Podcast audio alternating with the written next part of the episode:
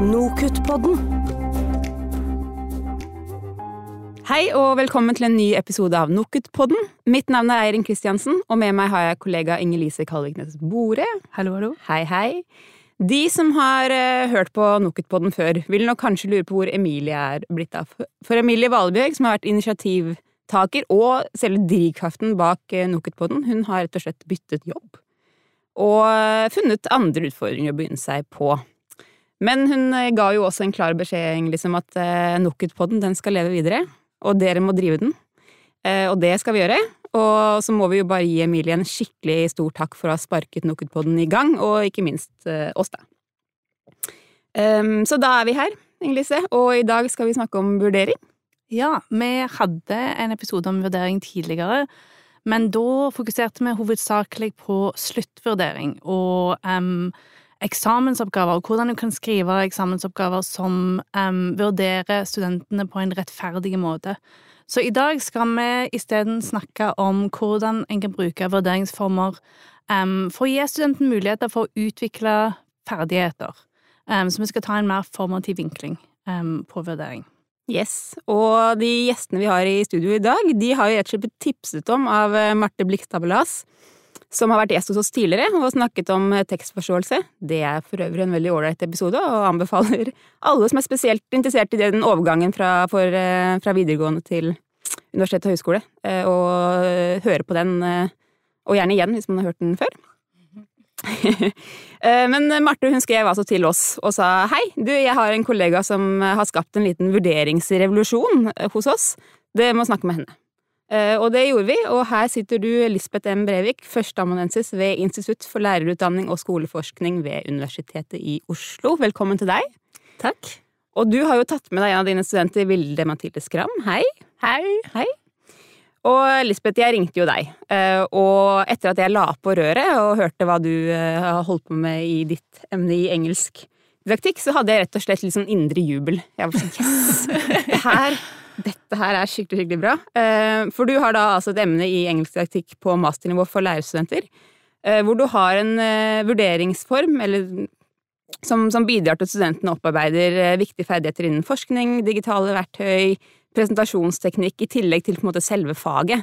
Så dere har rett og slett dratt studentene inn i forskningen, med andre ord veldig mange gode fluer i en smekk. Kan ikke du gi lytterne våre en kort oppsummering av, av dette emnet?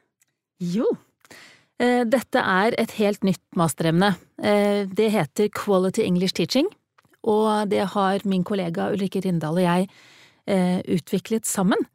Vi har vært opptatt av akkurat det du sier, at studentene skal få koblet utdanningen sin med forskningen som vi driver med. Og i dette emnet, som da varer i et semester, så har vi valgt å gi dem fire timers seminarer, sånn at de faktisk skal komme ordentlig inn i de temaene vi jobber med. Eh, det vi jobber med, er da et forskningsprosjekt som heter LISE, Linking Instruction and Student Experiences, og der samler vi videoer fra klasseromsundervisning, ordinær undervisning, og det er engelsktimene vi har lagt opp til å koble til dette masteremnet. Og i løpet av alle seminarene så skal studentene vurderes, som du sier, formativt underveis i løpet av semesteret, hver situasjon bygger på eh, det neste. Eh, eller omvendt, kanskje. Hver situasjon bygger på den forrige. eh, og vi starter opp med å la studentene få bli med oss inn i vår videolab, og få eh, del eh, i hele det videomaterialet vi har. De sitter eh, og får opplæring i noe som heter Inkscribe, et program for å transkribere videoer, og det vil rett og slett si at de skriver ned alt som skjer i løpet av en hel undervisningstime som vi har filmet. Og det er faktisk den første vurderingsformen de har, så de eh, gjør det som forskningsassistenter vanligvis gjør. Ser på en film, ser på den på nytt, skriver ned alt, dobbeltsjekker at alt stemmer, og så sender de den til oss, og det er den første vurderingsoppgaven som de har. Når det er gjort, så skal de planlegge en muntlig vurderingsform i seminarene våre, og da tar de transkripsjonen, de analyserer den ved bruk av teori som vi har i kurset. Mm. De velger selv vinkling, hva de har lyst til å analysere, eh, det vil si at de lager en problemstilling, og så legger de fram dette i eh, seminaret vårt for medstudenter og oss som da holder kurset. Ja. Der kobler vi da på vurderingsform tre, det vil si etter transkripsjonen som de bruker i sin egen presentasjon, Mm. etter å ha hatt en muntlig presentasjon selv, så skal en av medstudentene gi tilbakemelding på den vurderingssituasjonen. eh, På den muntlige presentasjonen de har holdt. Ja. Med klare kriterier. Eh, Deretter får de også tilbakemelding fra oss som leder eh, kurset, og så har de vært gjennom tre vurderingssituasjoner. Ja? Mens de gjør dette, så den studenten som gir tilbakemelding, har også en annen oppgave, og det er å filme hele eh, den presentasjonen. Eh, og der kommer da igjen digitale hjelpemidler inn, Ja, ikke sant? eh, så når de har filmet, så har de Vi har opprettet en YouTube-kanal, en lukket YouTube-kanal, som studentene da laster opp denne filmen på, og sender oss lenke, som vi igjen laster opp i vår læringsplattform Canvas. Så umiddelbart etter at studenten har holdt sin presentasjon, så er også en film av deres egen presentasjon tilgjengelig. Og den ser vi at ikke bare studenten som har holdt sin egen presentasjon ser på, men også de andre medstudentene, for å forberede seg til sin egen presentasjon. Og den som har holdt presentasjonen selv, ser på den for å kunne forbedre sin egen presentasjon, fordi det skal de da gjøre i en avsluttende eksamen, som er en muntlig eksamen, som har form av en prøveforelesning. Ja, ikke sant? Og det som er annerledes med en prøveforelesning, hvis du sammenligner med de kjente muntlige eksamene vi alle kjenner til, det er at her har du publikum. Og, Spennende. Ja, vi har vært veldig opptatt av at dette skal være spennende også, at Ja. det skal være en ekte situasjon. Det betyr at vi sitter der, to sensorer, men det er egentlig så er det ikke vi som gjennomfører så veldig mye i den situasjonen. Det er studentene selv, selvfølgelig, de holder en prøveforelesning. Den bygger på den muntlige presentasjonen de hadde. Publikummet er lektorstudenter som går ett år før disse masterstudentene. Og det betyr at masterstudentene har fått beskjed om at prøveforelesningen, som de altså har holdt en gang for oss underveis i seminaret, men da til medstudenter og oss som er seminarledere, den skal de nå i sin prøveforelesning holde for lærerstudenter som er ett år lengre bak i løpet enn dem selv. Da må de igjen formidle den forskningen de har tatt del i, de må formidle det til noen som ikke har kommet så langt i sitt studieløp, og det er jo noe av det vi håper at skal både være en forskningsformidlingssituasjon, men ikke minst at dette skal de da, de skal gjøre det relevant, den forskningen de driver med, den skal de gjøre relevant for studenter på lavere trinn. Ja, så da må de trene seg på ulike publikum, og Absolutt. tilpasse innhold. Du ville, du kunne jo hatt en tradisjonell skriftlig eksamen kanskje istedenfor. Hva syns du om å ha dette opplegget? Um, nå har vi jo, som lektorstudent, så har vi jo gått Jeg er jo siste året og da har jeg jo gått fire år med mye skriftlige eksamener. Eh, og det har jo litt sånn som du sa innledningsvis, at man er jo, kanskje spesielt som student, fryktelig opptatt av at det skal føles rettferdig. Eh, og jeg syns derfor at dette emnet, det kurset på masternivå, var utrolig kjekt. Jeg, det, er første gang jeg føler at sånn Denne karakteren kan jeg stå inne for. Jeg har fortjent den. Eh, Jeg har hele veien visst hva som var forventet av meg. Eksamen kom på en måte ikke som noen overraskelse på slutten av året hvor jeg tenkte 'herregud, hva driver jeg med'? Skal jeg vise alt jeg kan på fire timer? Hæ? Um, Istedenfor så følte jeg at vi eh, jeg ble tatt med og ledet, sånn at når jeg da sto og skulle holde en prøveforelesning, så var ikke det noe stress. Det føltes nyttig. Um, og det tror jeg, i alle fall for meg, eh, har vært en litt ny følelse rundt eksamen. At eksamen faktisk er nyttig, utover det at jeg bare skal få en sluttvurdering på det. Så tommel opp. Jeg er så fornøyd. Fantastisk. Så jeg sitter fortsatt med litt sånn indre jubel. Jeg Ja, veldig- ja, jeg er jeg kjenner på det, jeg òg. Så Lisbeth, um, fra ditt perspektiv, hva er det som er viktigst for deg at studentene får ut av dette arbeidet? Eh, Det aller viktigste er jo at de både får et, eh, eh, et kurs på masternivå som skal være noe mer enn det lektorutdanningen har hatt å by på så langt. Så skal vi helst kombinere det med at de skal ut og jobbe som lærere senere, så det må også være veldig relevant for læreryrket. Og så har vi da, i tillegg til dette eh, utdanningsperspektivet, så har vi klart å koble det til forskningen vi driver med. Og som de fleste andre som jobber på universiteter og høyskoler, så har vi veldig mye å gjøre hele tiden. Det å kunne få lov til å få masterstudenter som kan trekkes inn i det arbeidet, og som faktisk, virker det som for oss i hvert fall, blir like interessert i vårt forskningsstudie som det vi er selv, har jo vært en helt fantastisk situasjon. Vi får ikke bare masterstudenter som er interessert, men vi får forskningsassistenter som er med på vår forskning, og det gir oss helt nye perspektiver også for oss. Så totalt sett så er det egentlig denne koblingen av utdanning og forskning eh, som vi har vært opptatt av, men det må ikke bare ha relevans for oss, for det har det. Som forskere så har dette relevans for oss. Det må også ha relevans for masterstudentene i deres arbeid på masternivå og videre inn i sin masteroppgave, og når de skal ut og være jobbe som lektorer i skolen. Mm. Ja, for det kobler jo veldig fint her på en måte både liksom det profesjonsfaglige Altså det at du skal ut som lærer samtidig som du får kobla på forskningen, og liksom gjort et stykke arbeid opp mot masteroppgaven, skal jeg tro. Ja, og så um, For meg, før jeg startet faget, så var masteroppgaven litt sånn vagt. Sånn Det er noe man skal skrive, man skal gjøre noe. Eh, siden jeg skriver i didaktikk, så er det forventet at jeg skal forske. Men hva i alle dager er forske? Vi har hørt masse om dette, og så har man sett litt på hverandre og tenkt ja ja, det er noe de voksne driver med. vi får se om vi finner ut av det. Eh, og jeg tror jo at sånn som student som skal skrive en masteroppgave, så var det veldig kjekt at ting ble brutt ned. Sånn eh, Iblant så kan det føles som at fag har en fasit. Eh, at man sitter i undervisning, og så vet den som står foran, den vet best. Mens her så var vi Vi fikk lov å si det vi mente. Vi fikk lov å være nysgjerrige. Og jeg mm. tror det å få lov å være litt utforskende, og bruke den nysgjerrigheten inn på ting som kanskje er etablerte fakta, og spørre ja, men hvorfor er det sånn? Det var så givende for oss som student, fordi ikke bare ble det hørt, men sånn som med Lisbeth og Ulrikke, så fikk vi faktisk være med å påvirke en artikkel de skulle skrive. Man fikk innblikk i det forskningsfellesskapet som har bare vært en vag boble på UiO. Mm. Der var man plutselig en del og hadde noe å si. Og det at man lurte på ting, var velkomment.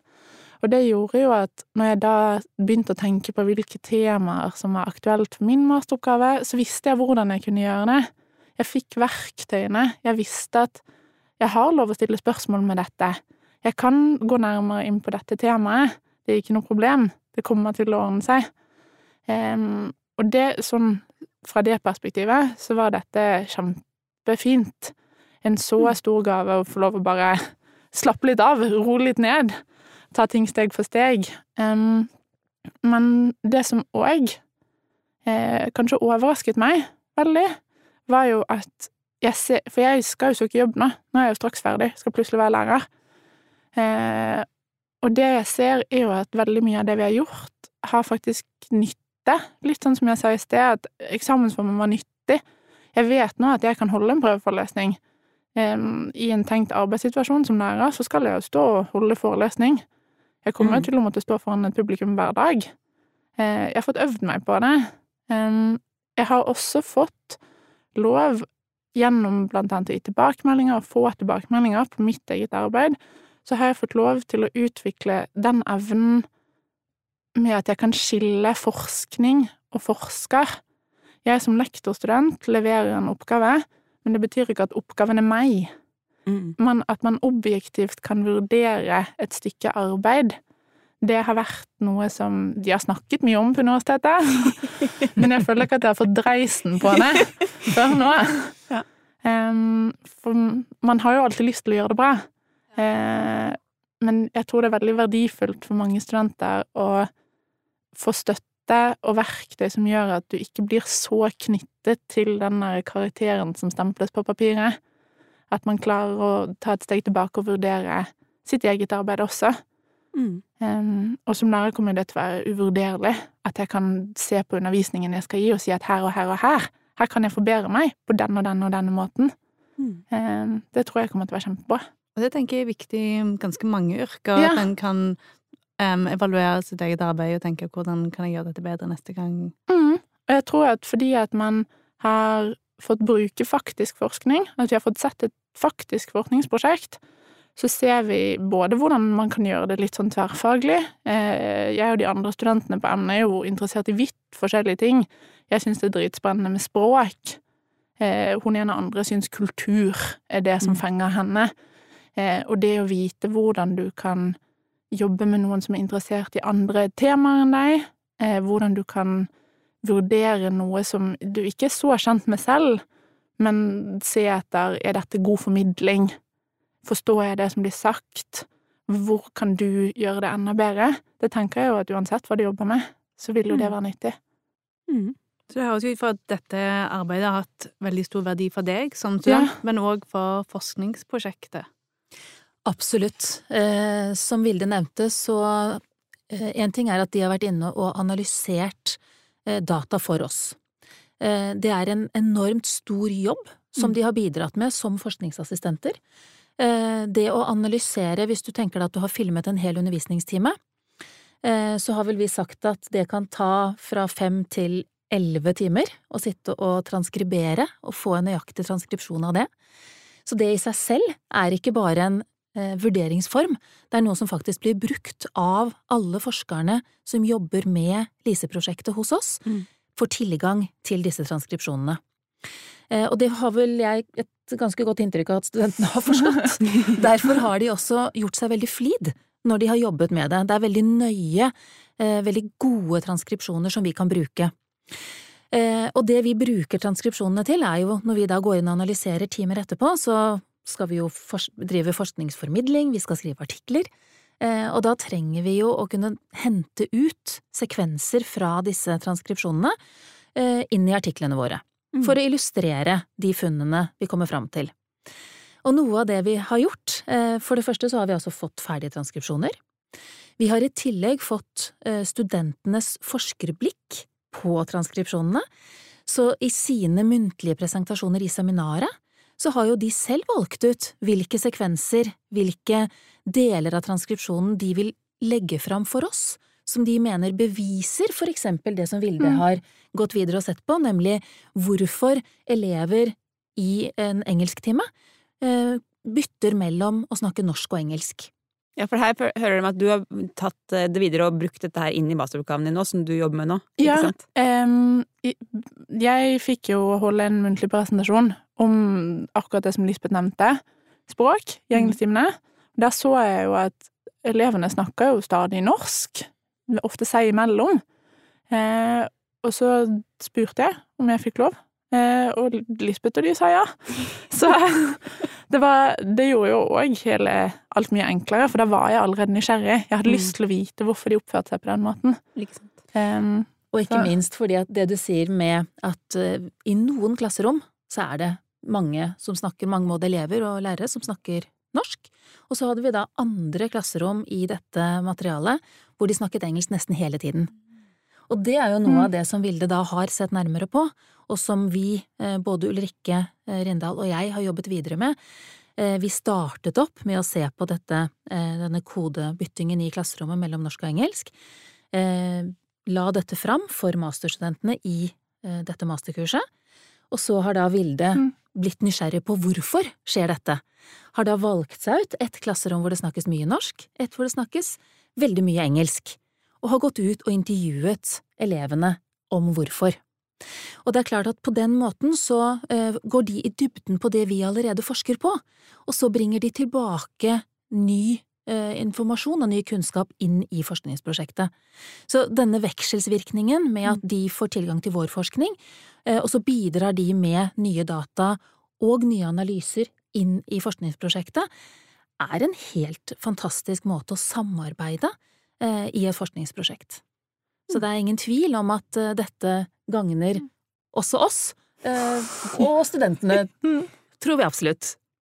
Det er jo bare vakkert, holdt jeg på å si. Men Ville, du måtte jo håndtere en del digitale verktøy Mm. i løpet av arbeidet. Hva sitter du igjen med fra det, eller hva er det du føler du har lært? for det første så er jeg blitt fryktelig mye tryggere på eh, at hvis det er et nytt verktøy, så kan jeg mestre det. Det handler om at eh, det er jo forventet som lærer, for å ta læreryrket først, Mhm. at jeg skal ikke være en av de lærerne som har problemer med å slå på PC-en. Eh, man har lyst til å være en lærer som er flink, og elevene lever i en digital hverdag.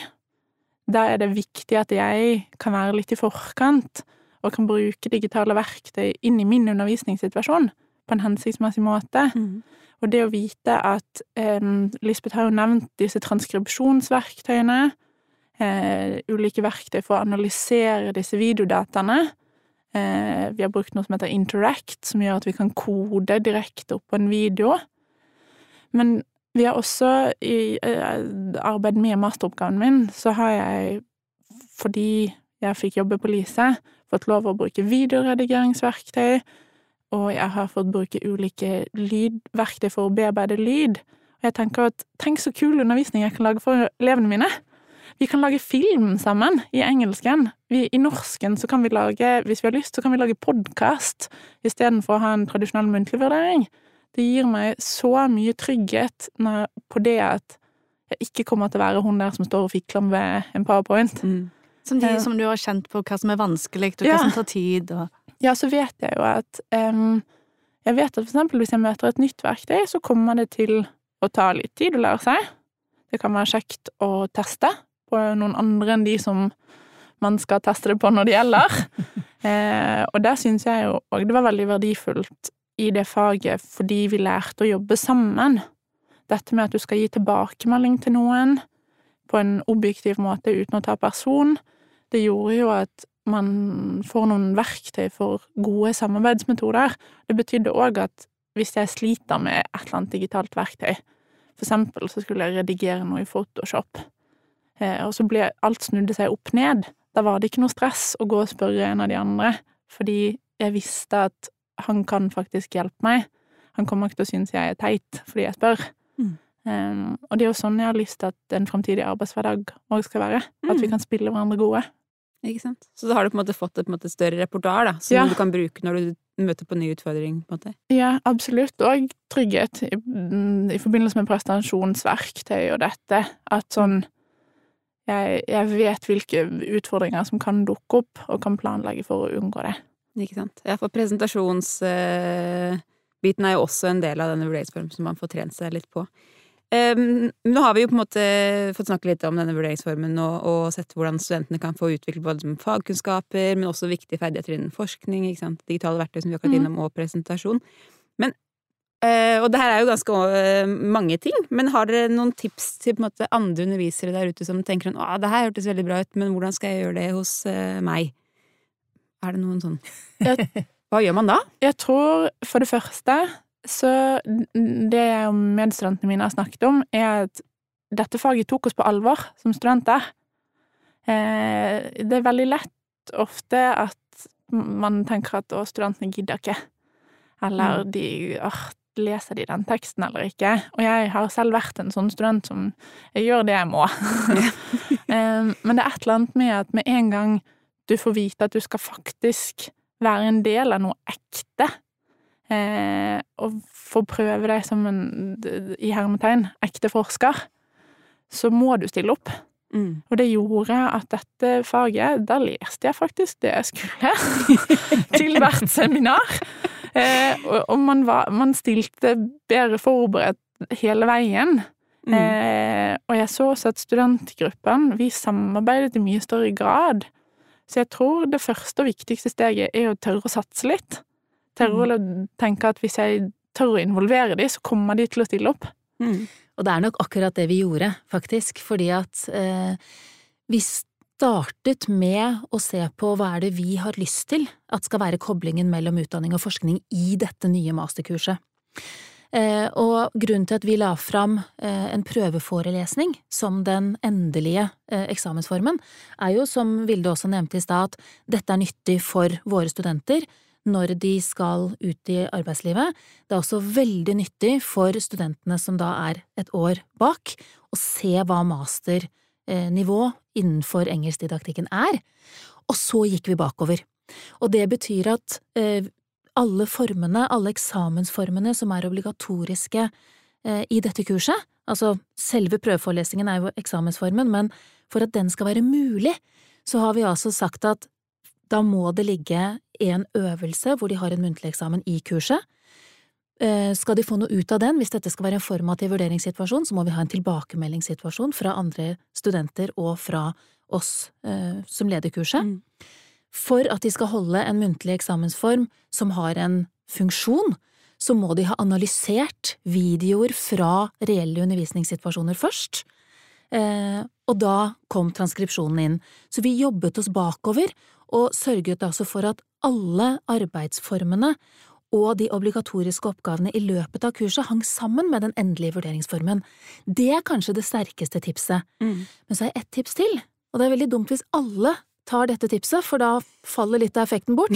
Men eh, det vi gjorde var å legge den største arbeidsmengden i begynnelsen av semesteret. Mm. Og det vil si at det å sitte og transkribere en hel time, som jeg sa kunne ta opptil elleve timer, det er en utrolig stor oppgave å legge på studentene. Men de har vært kjempepositive til det, fordi at eh, de ser at de har hatt nytte av det, Mm. som, som Vilde har Mm. sagt. Og som jeg vet at det ble påpekt til oss veldig tidlig, at det var jammen lurt dere la dette tidlig i semesteret, for nå har vi ikke så veldig mange andre oppgaver vi må gjøre. Så jeg opplever at i dette kurset så får vi en stor arbeidsmengde eh, for, altså, som studentene skal gjøre i begynnelsen av semesteret, og så går nesten resten av semesteret av seg selv, fordi at hver enkelt vurderingsform bygger på den som har vært før. Så da må man nesten samarbeide litt med de andre kollegaene, så ikke alle legger om på likt. men hvis, hvis Ja. det er noen som tenker sånn ja, det her var veldig, var veldig bra med koblingen opp mot forskningsprosjekt, men vi har ikke noe film i vårt forskningsprosjekt. Altså, er det altså Men jeg Er ser for meg at det hadde funka uansett, egentlig, fordi det, eh, det handler jo òg litt om det der med å utfordre etablerte sannheter. Se på hva er det vi snakker om i dette fagfeltet. Sånn, vi har jo snakket om i etterkant at det hadde vært så kult å få lov å stille litt mer spørsmål ved en del av det vi lærer. At man åpner for at det er større rom for diskusjon og involvering. Kanskje man istedenfor å snakke om en tekst, kan sammen analysere den. Eh, og den type ting. Jeg tror det er veldig mange muligheter. Fordi jeg tenker spesielt nå som man skal jo få en jobb, forhåpentligvis. Eh, og jeg tror dette med å kunne omstille seg, og dette med å tørre å tenke litt nytt, det blir viktigere og viktigere. Eh, og da holder det ikke å bare lære fakta på universitet lenger. Og det er nettopp det jeg tenker at enhver eh, som jobber med forskningsprosjekter, eh, vet jo veldig godt hva de er opptatt av i sitt forskningsprosjekt. Og på samme måte som det for meg og Ulrikke Rindal var viktig å se hva ønsker vi innspill på fra masterstudentene som skal ta vårt masterkurs, så vil jo alle andre kunne tenke helt likt, at hva er det i deres forskningsprosjekt som det ville vært nyttig for dem å fått innspill fra masterstudenter eh, som de, som forskerne altså, har nytte av i sitt forskningsprosjekt. Og så tenker jeg det må starte der. Mm. Det at vi har bygget opp Quality English Teaching basert på videofilmer, er fordi det er det vårt forskningsprosjekt har av data. Mm. Eh, hvis jeg skal gjøre dette en annen gang til et annet forskningsprosjekt, så vil jeg ta utgangspunkt i hva vi har av data der. Ikke sant. Med andre ord veldig mange muligheter. Jeg tror vi skal avrunde der. Tusen, tusen takk for at eh, dere kom. Veldig, hyggelig. Takk for at vi ble invitert. veldig, veldig spennende. Og så er jo det er jo sånn at dere, dere ble invitert inn her som, som følge av et tips. Så da blei vi litt sånn shit, vi må jo ha noe et sted folk kan tipse oss.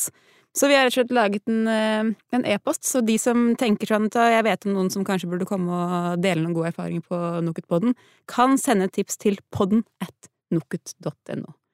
Så eh, Men ja, takk for i dag. Takk for oss. Takk for oss. Takk for oss.